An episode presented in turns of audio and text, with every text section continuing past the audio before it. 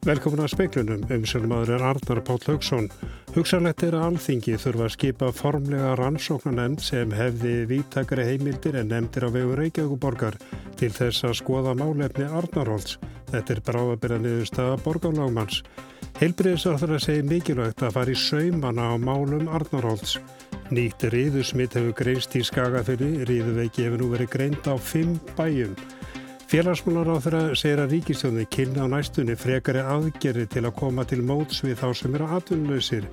Stjórnvöldi Svíþjóð hafa samið við þrjá livjaframleðindur um bólefni gegn koronaveirunni þá tuga til að bólusetja alla sænsku þjóðina.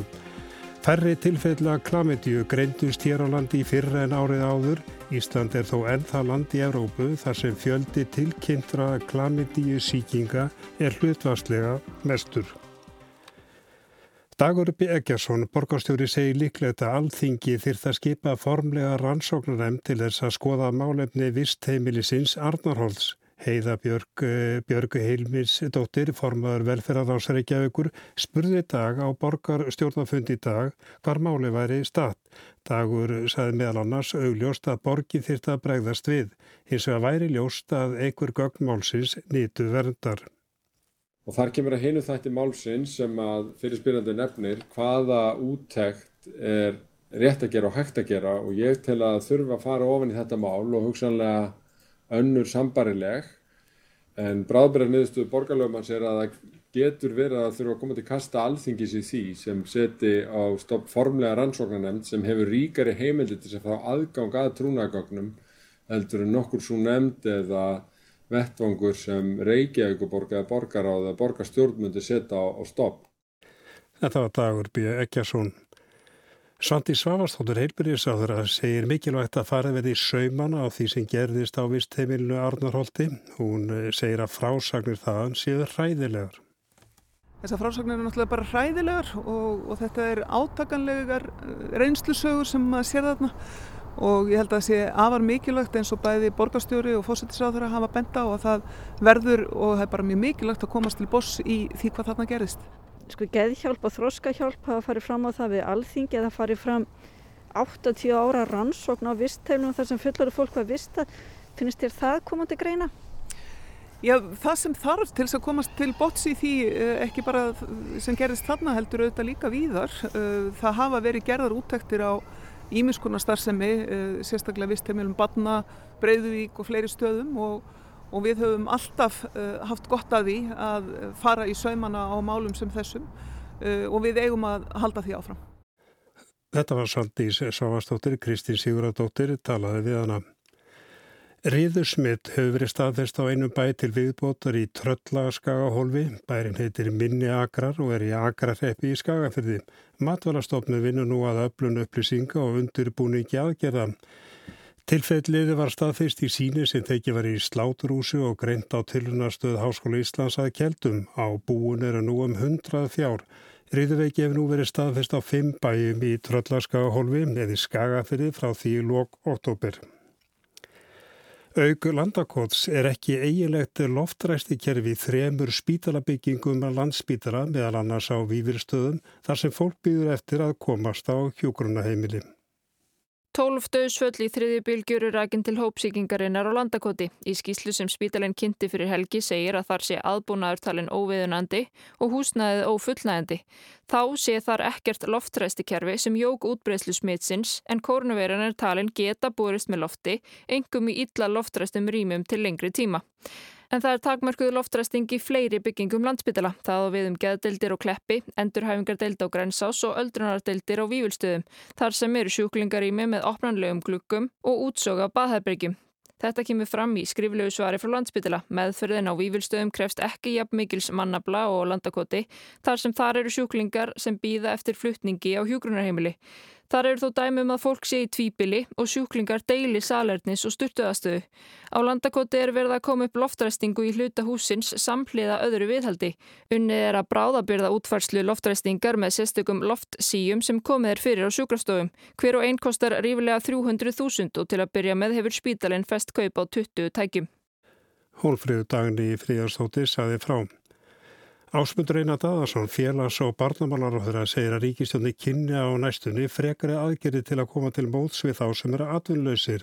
Á yfirstandandi ári nefni útgreitar atvinnlausisbætur með hlutabótum hátt í 80 miljardum króna sem sé meira en áður hafi sérst. Otni Harðardóttir, þingflósformaður samfélkingarinnar, spurðir á þeirra á alþingi dag út í atvinnleysið og það neyðar ástand sem atvinnleysir standa frammi fyrir. Í februar var 5% atvinnuleysi á landinu öllu og það var komið í 9% á Suðurnesjum í februar. Það voru þá rúmir 10.000 einstaklingar atvinnulausir á landinu. Er ekki alveg örugt að allir í hæstv. ríkisstjórn áttu sig á að fólki sem var atvinnulaust í febrúar fær enga vinnu vegna þess að það er enga vinnu að fá? Ég held að aldrei í Íslandssögunni hafi ríkið stigið jafn myndarlega inn þegar kemur að, eh, þegar kemur að greiðslum í gegnum atvinnuleysistryggingasjóð. En ég tek hins vegar undir með hátturstu þingmanni og að það er mikilvægt að vera á vaktinni þegar kemur á þessu uh, og þess vegna hefur ríkistjórnin núna jáfnframt að skoða frekari aðgeður til þess að koma til móts við þá einstaklinga sem að eru atvinnulausir og vonandi getur við kynnt það á allra næstunni. Ásmundur Einar Daðarsson á Alþingi í dag. Svíjar hafa gengið frá samningum við þrjú livjafyrirtækjum kaupa bóluefni gegn koronavirunni. Það var döga til að bólusetja alla þjóðina. Þetta kom fram á fundi Stefans Löfvens forsættisráð þeirra með frettamönnum síðdegis. Svíjar ætlaði að kaupa bóluefni að AstraZeneca og Janssen og nú síðast var samið við Pfizer um fjórar og halva miljón skamta. Þeir eigaði næja til að bólusetja alla sem eru orðnir 65 ára og eldri, 2 miljónir og 250.000. Bóluefni Pfizer og þíska líftækni fyrirtækinsins BioNTech var kynnt til leiks í síðustu viku. Það síndi 90% virkni í prófunum aðsögn framleiðendana. Koronavirusmittum og innlognum á sjúkrahús hefur fjölgað hratt í svíþjóð síðustu vikur. Tilkynnt var í dag að rúmlega 15.000 smitt hefðu greinst síðan á förstu dag. Sænska landlæknisembættið greindi frá því fyrir dag að COVID-19 hefði verið þriðja algengasta dánarorsökinni svíþjóð á fyrirluta þessa árs. Hjarta- og æðasjúkdómar dróðu 14.000 manns til dauða, 11.600 létist úr krabbameinum af ymsum toga og COVID-19 varður rúmlega 5.500 að aldur til að. COVID-19 leti til þess að dánartíðinni Karla jógst um 14% frá sama tíma í fyrra og hvenna um 10%. Vegna ástandsins ganga hertar sóttvarnarreglur í gildi í Svíþjóð eftir eina viku. Fleiri en átta mega ekki koma saman og fólk er beðið um að vera sem minnst á ferðinni. Áskir Tómasson saði frá. Þrátt fyrir að tilfellum hafi fækka á milli ára á Íslandi er enn það land í Európu sem um, afsækið eh, landi í Európu þar sem fjöldi tilkynntra klamidíusíkinga er hlutvarslega mestur. Fleiri greindist með lekand og sárasótti hér á landi í fyrra en árið áður. Þetta er meðal þess sem framkemur í farsótarskíslu sótvarnalæknis fyrir árið 2019. Í skýslunni er greint frá fjölda þeirra sem greinast með tilkynningaskilda sjúkdóma. Tæplega 1800 greindust með klamidíu hér á landi í fyrra sem er nokkru minna en árið áður og voru konur í meirulhuta. Fjöldi tilkynntra klamidíu síkinga á hverja 100.000 íbúa er mestur á Íslandi miða við önnur Evrópulönd og tíðnin er einnig há á hinnum Norðurlöndunum. Í skýslunni segir að þetta skýrist hugsalega af meiri sínatöku, ekki sé víst að nýgengið sé hæra hér en annar staðar. Lekanda tilfellum fjölgaði og greindist alls 121 um 90% þeirra voru karlar. Í skýslunni segir að lekandabakteríur sem eru fjöl ónamar fyrir síklarlifjum séu vaksandi vandamál víða Erlendis og það sé tímaspursmál hvenna svo verði einnig hér. 38 greindust með sárasótt, nánast engungu karlar og það var líka fjölgun frá áruna undan. Þá greindist 31 með hái vafsíkingu sem er minna en árið áður. Í einu tilfelli var um að ræða smitt frá móður til barns. Fjórir greindust með alnæmi þar af kona sem hafi greinst með hái vafsíkingu árið 2007, sangvann skíslunni. Anna Lilja Þórustóttir tók saman.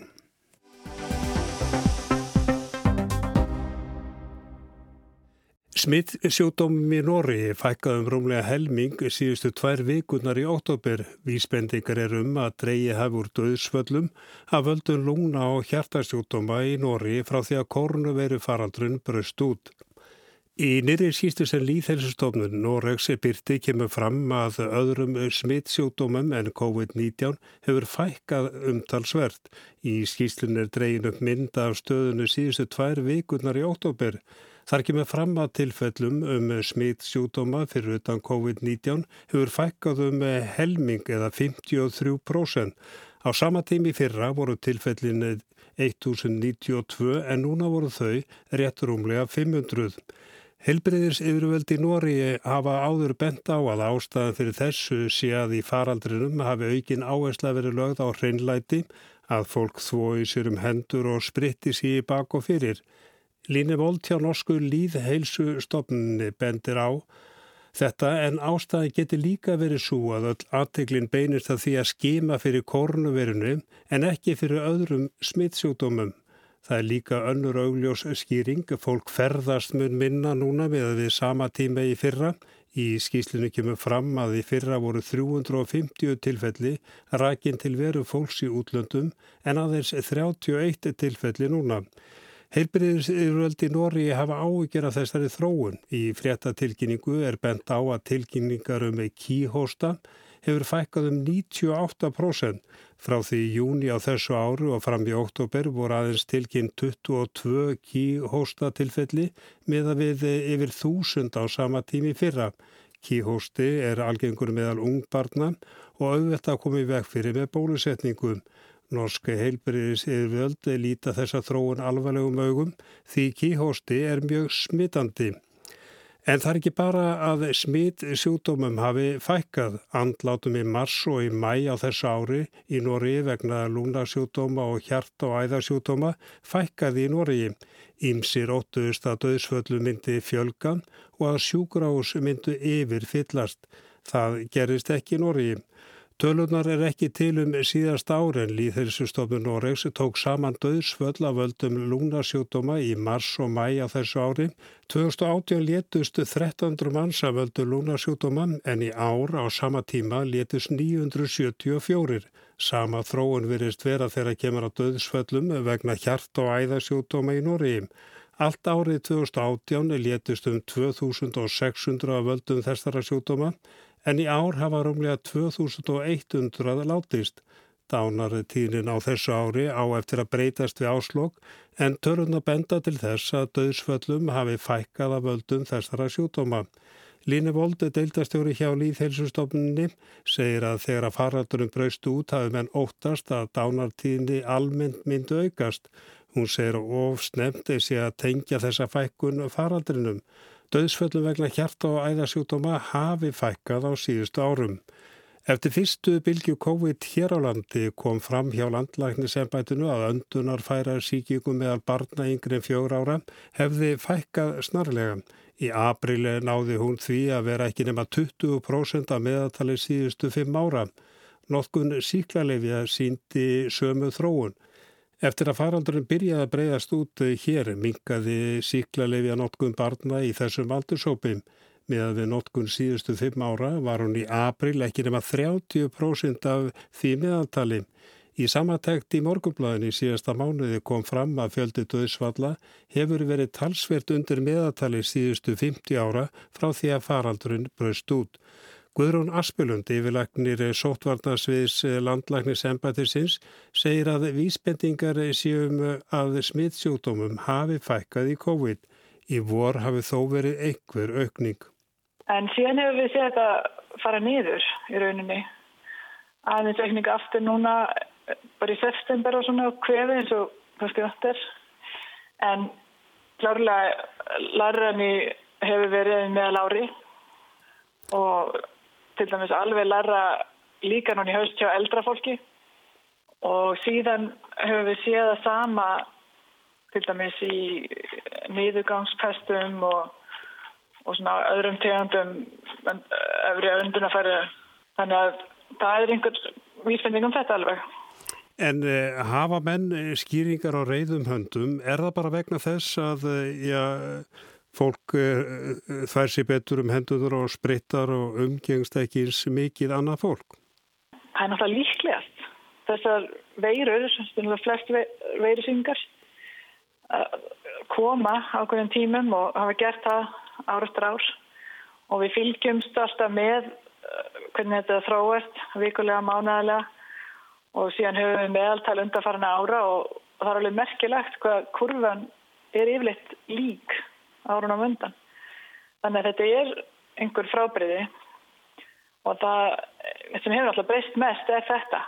Personlega sótvarnir, handvattur og já, minni umgengni á milli fólks uh, og börn sem oft bera hérna síkingar heim, þá er þetta ekki endilega þannig með COVID, þá er það við margar aðra síkingar og þetta er í skólanum og best hann í át. Þannig að þetta er rúglega ástæðan. En uh, í Nóri bendir til þess að, að döðsföllu vegna núna hjart og æðarsjútum að, að þeim hafi fækkað. Er eitthvað vitað um það hér á landi? Þetta er ekki alveg á mínu sviði en, en ég held að það er nú komið fram líka nýlega en það er kannski að taka þetta betur saman. En það getur líka eitthvað haft með þetta að gera. Bara hegðun, lífurni Uh, en ég held að það sé nú samt floknara heldur minn smittsjóttamanir. En svona almennt þá getur maður að tala um það að það eru talsveita breytingar ja, í kjölfarið á faraldrinum að livjanótkun er kannski minni, fólk leitar minna til læknis og, og veikindum hefur almennt fækkað fyrir utan COVID. Já, það gæti verið. Það voru ágjur að þessu í byrjun að það væri að því að fólk væri myndi ekki að fara og það myndi það bara koma setna. Það væri með bara senka greiningu sem væri náttúrulega ekki gott. En það hefur ekki, held ég, komið fram allavega ekki eitthvað sem er merkjanlegt. Þetta var Guðrún Arspilund. Fregnir, fregnir síðustu daga um að, að góður árangur hafi nást hjá tveimur stórum livjafyrirtækjum í þróun bóluefnis hefur vakið þá voni brjósti margra að það sjáu fyrir endan á COVID-faraldrinum og að líf komist í eðle torf á vormánuðum. Speilin rætti í dag við Skarpiðinberg Steinarsson, ferðamálastjóra, um horfurnar í ferðarþjónustunni. Við höfum náttúrulega ágrútið þessar frétta að væntingunum það að bólusetningar hefjist kringum áramóti eða upp á áramóti. Með auðvitað mun það taka einhver tíma að ná svo mikil bólusetningu á okkar mörguðum að, að það fari að hafa þau áhrif að fólk sé reyðubúið aðferðast því það er ekki bara ástandi hér heldur ástandi í heimalöndum ferðamann sem skiptir máli en það er augljóst að þessum tölum að það er gert ráð fyrir að framlega býstna mikið á bólöfni og þegar það næri einhver útbreyslu þá mun það klálega hafa þau áhrif að ferðarmenn verða tilbúin þess að komingað aftur og vonandi verður það fyrir sömarið því að sömarið er mikilvægst í tími ferðarþjónustunar þó okkur hafi gengið vel að dreifa ferðarþjónustunni yfir árið að þá er það sömarið sem að skipti máli. Verða fyrirtækin tilbúin?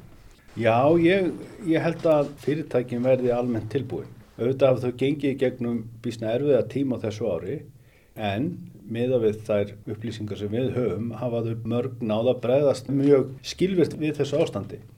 Teikunar hafa verið náttúrulega hrunnið en þau hafa náða að fylgja því eftir með því að lekka kostnaði hjá sér og ríki hefur náttúrulega komið til aðstofa vanandi launakostnaði. Það muna mikið um þetta þannig að þau hafa náða að verjast í reksturnum með þeim hætti. Skuldirnar hafa ekkit minkað, kannski aukist í mörgum tilfellum en það sem er kannski ekki alveg fyrirsjónlegt hvernig verður er að afkasta getan í greininni miðast við það sem við höfðum fyrir COVID. Og nú eru svona spára að gera ráð fyrir því að þegar það rætist úr þessu að við séum árun 2021 að hafa svona cirka helming, kannski innan við helming af þeim ferðamannfjölda sem við höfðum fyrir COVID. Og þá er mikil umfram afkasta geta í kerfinu. Hvernig fer með þessa umfram afkasta getu er eitthvað sem við vitum ekki hvernig verður. En hinn hefðbundnu viðbröð markaðar eru verulega verðlækning og það er ekki víst að það sé endilega það sem hendi ferðarþjónustu fyrirtæknum við þessa kringustæðu. Eins og staðan er núna bara við vítum út um glukkan hérna á skrifstofunniðinni yfir gömlu höfnina í Reykjavík. Það er eins og allt sé frúsið. Það er bara ekkert að gerast.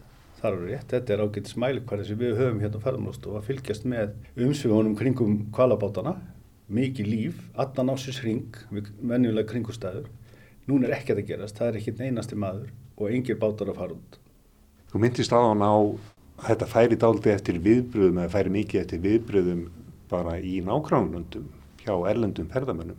Hver er ykkar skoðun eða afstæða til landamæra skipunar? Ferðarmálustofu hefum svo sem ekki neina sérstaka afstöðu til þess. Þetta er sóttvarnamál og við teljum að, að það þurfi að það er greinlegt í, í afstöðu ríkistjórnarinnar að það sé útgangspunkturinn og það er mjög skiljalur útgangspunktur þegar þetta er með þessum hætti sem við höfum verið að upplifa bæði hér á Íslandu og í öðrum löndum og í markaslöndum. Þannig að það er voða lítið hægt að aðhafast í því það sem að kannski skiptir máli þó í þessu sambandi það er að reyna að koma á einhverju fyrirsjáanleika til þess að fyrirtækin geti undibúa sig til viðspyrnu til þess að koma sér á stað aftur og til þess að notfæra sér þau tækifæri sem kunna verða á næstu mánuðum þegar að fer að rofa til.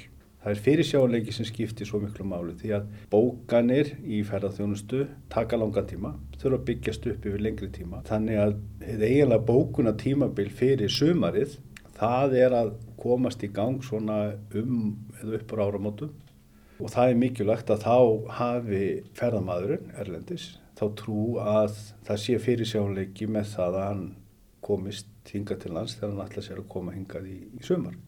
Það eru dálítið misvísandi fregninar því hver svo kvölduð bókunarstaða fyrir næsta ár er.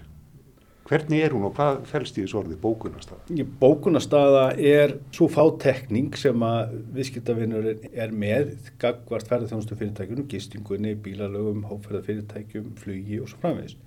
Og bókanir þurfa byggjast upp yfir lengra tífambil. Svona henni almenni ferðarmadur er að bóka með, segjum, 3-5 mánada fyrirvara og alveg raunar fram að brottfæra degi. Bókanir sem að gerast fyrir þann tíma, það sem er lengra í brottfur ferðarmannsins, það er ótt frátekningar ferðarskristofa.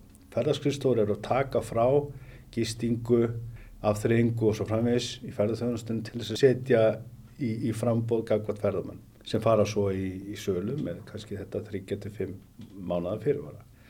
Þannig að mikið af þeim, það sem við kallum bókunum, inn á sömarið 2021 er svona frátekningar. Skipta miklu máli en það eru ekki endilega nöfn og bakveðar. Ekki alveg fast í hendi?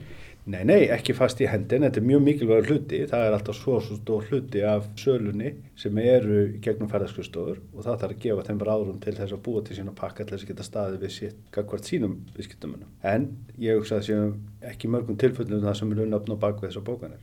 Hefuru trú á því að þegar þetta fyrir gang aftur, verður þetta eins og rúsajeppi, þetta er svona nallar áfram eða fer þetta á fullt blús alveg strax? Ég haf haft á trú að þegar að við erum búin að ná utanum þessa verusíkingu og þennan heimsfaraldur að þá munir þetta taka nokkuð fljótt við sér og ég held að séu þetta fósundu til þess. Afkast að geta netti staðar í ferðarþjónustu, það verður nægt frambóða flugsætum til landsins. Alla vísbendingar eru um það að þessi áhugi á Íslandi að hann hafi lítið dofnað. Þannig að það er margt sem er hendugt við þessa kringustæður varandi ferðarþjónustu landi Ísland. Þannig að ég hef enga ástæðilegs að ætla annað en það verið til dæla hrætt að stað. Um helmingur af okkar erlendu ferðarmannum eru frá Európa-löndu. Ég held að með því samstarfi sem er á þessu sviði í Európu, varandi bólusetningar og viðbröð við faraldrinum, að þá verði Európumenn fyrst til þessu komingað. Hvort að ferðarmenn frá öðrum heimsólum, hversu lengi við þurfum að býja eftir þeim, það mun ráða heilmiklu. En ef að það er þannig að til dæmis bandaríkjumenn verði fljótið til, þá getur ferðarþjónustu sumarið næsta orðið mjög gott. Sagði Skarpið Berg Steinarsson í samtali við Kristján Sigurjónsson.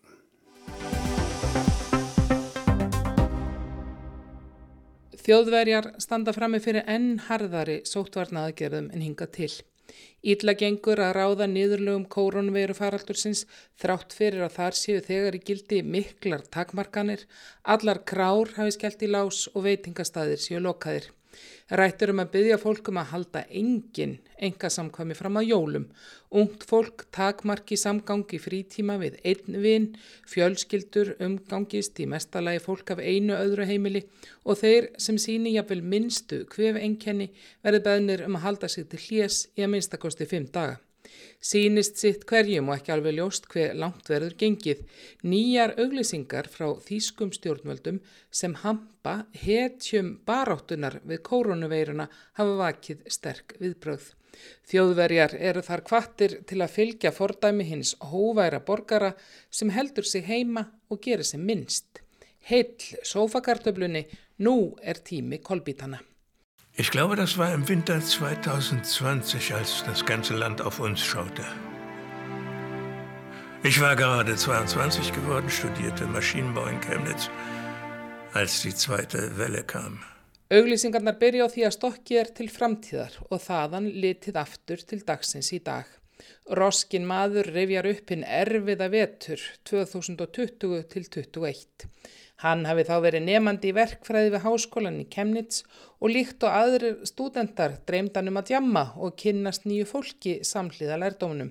En þá, og tónlistin verður enn dramatískari, skall önnur bylgja á, ósýnilegur óvinnur, ógnaði öllu og örlög þjóðarnar var í hans höndum. Das einzig richtige. Wir taten nichts. Absolut gar nichts. Waren faul wie die Waschbären. Hvað gátum við gert, segir hann. Jú, við reyndum að sækja allan okkar styrk og hugrekki og gera alls ekki neitt.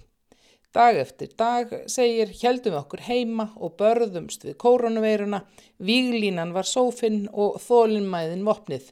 Við vorum húðlöt eins og lötustu þottabinnir.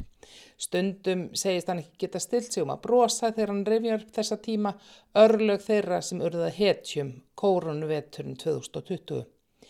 Í annari auglýsingu er uppsetningin svipuð fullorðin maður hampar heiðursmerki sem hann hlaut fyrir sinn þátt í stríðinu við veiruna. Áður hafði hann verið uppnefndur fyrir leti, leiðundir ámæli fyrir að setja inni í tölfunni, sólarhingum saman og borða kaldan dósamatt en kórónu veturinn varð uppnefnið latitoppi að heiðurstilli og hann að fyrirmyndar borgara. Faulheit konnte Leben retten und darin war ich Meister. Letin gatjú bjargað mannslífum, segir í auglisingunni, á erfiðum tímum varð auðvelt að verða hetja. Í þeirri þriðju segir kona sem sittur með manni sínum frá því hvernig þau urðu sérlegar hetjur og hún reyfjar upp veturinn þegar allt breytist. Þau hafi þá verið nýbyrjuð saman, allt í einu voru allara vonir þjóðarinnar bundnar við unga fólkið, æskan svaraði kallinu, tók sig til og gerði alls ekki neitt. Hjekk bara heima og að stöku hugrekki, þau í rúmunu og borðu djúbstektan kjúkling.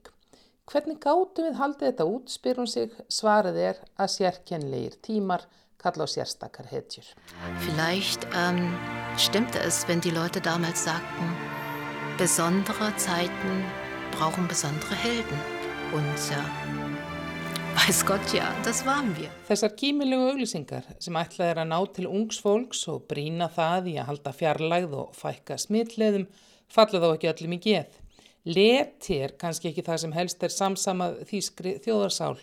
Sumum finnst líka orðfærið þar sem vísaðir í stríð og hugreiningatengsl við setni heimstyrjöldina erfið og mjög ósmökleg.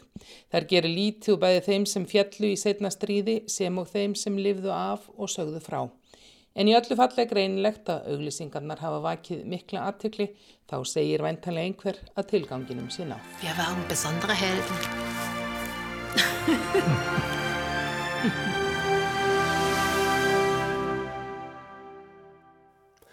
og það var Anna Kristi Jónsdóttir sem að sá okkur frá. Hugsanlegt er að alþingi þurfa að skipa formlega rannsóknarnefn sem hefði vítakari heimildir en nefndir á vegur Reykjavíkuborgar til þess að skoða málefni Arnarholtz. Þetta er bráðabriðanirista borgálögmars við sögum frá þessu í speklunum í kvöld. Heilbriðisráþara segir mikilvægt að fara í sauman á málum Arnarholtz og nýtt riðu smitt hefur greinst í skagaferði. Riðuveiki hefur nú verið greind á fimm bæjum þar Og félagsmálar á þeirra segir að ríkisjónu kynni á næstunni frekari aðgerið til að koma til móts við þá sem eru atvinnlausir. En það er ekki fleira í speiklunum með tæknumari kvöld var Mark Eldred verðið sæl.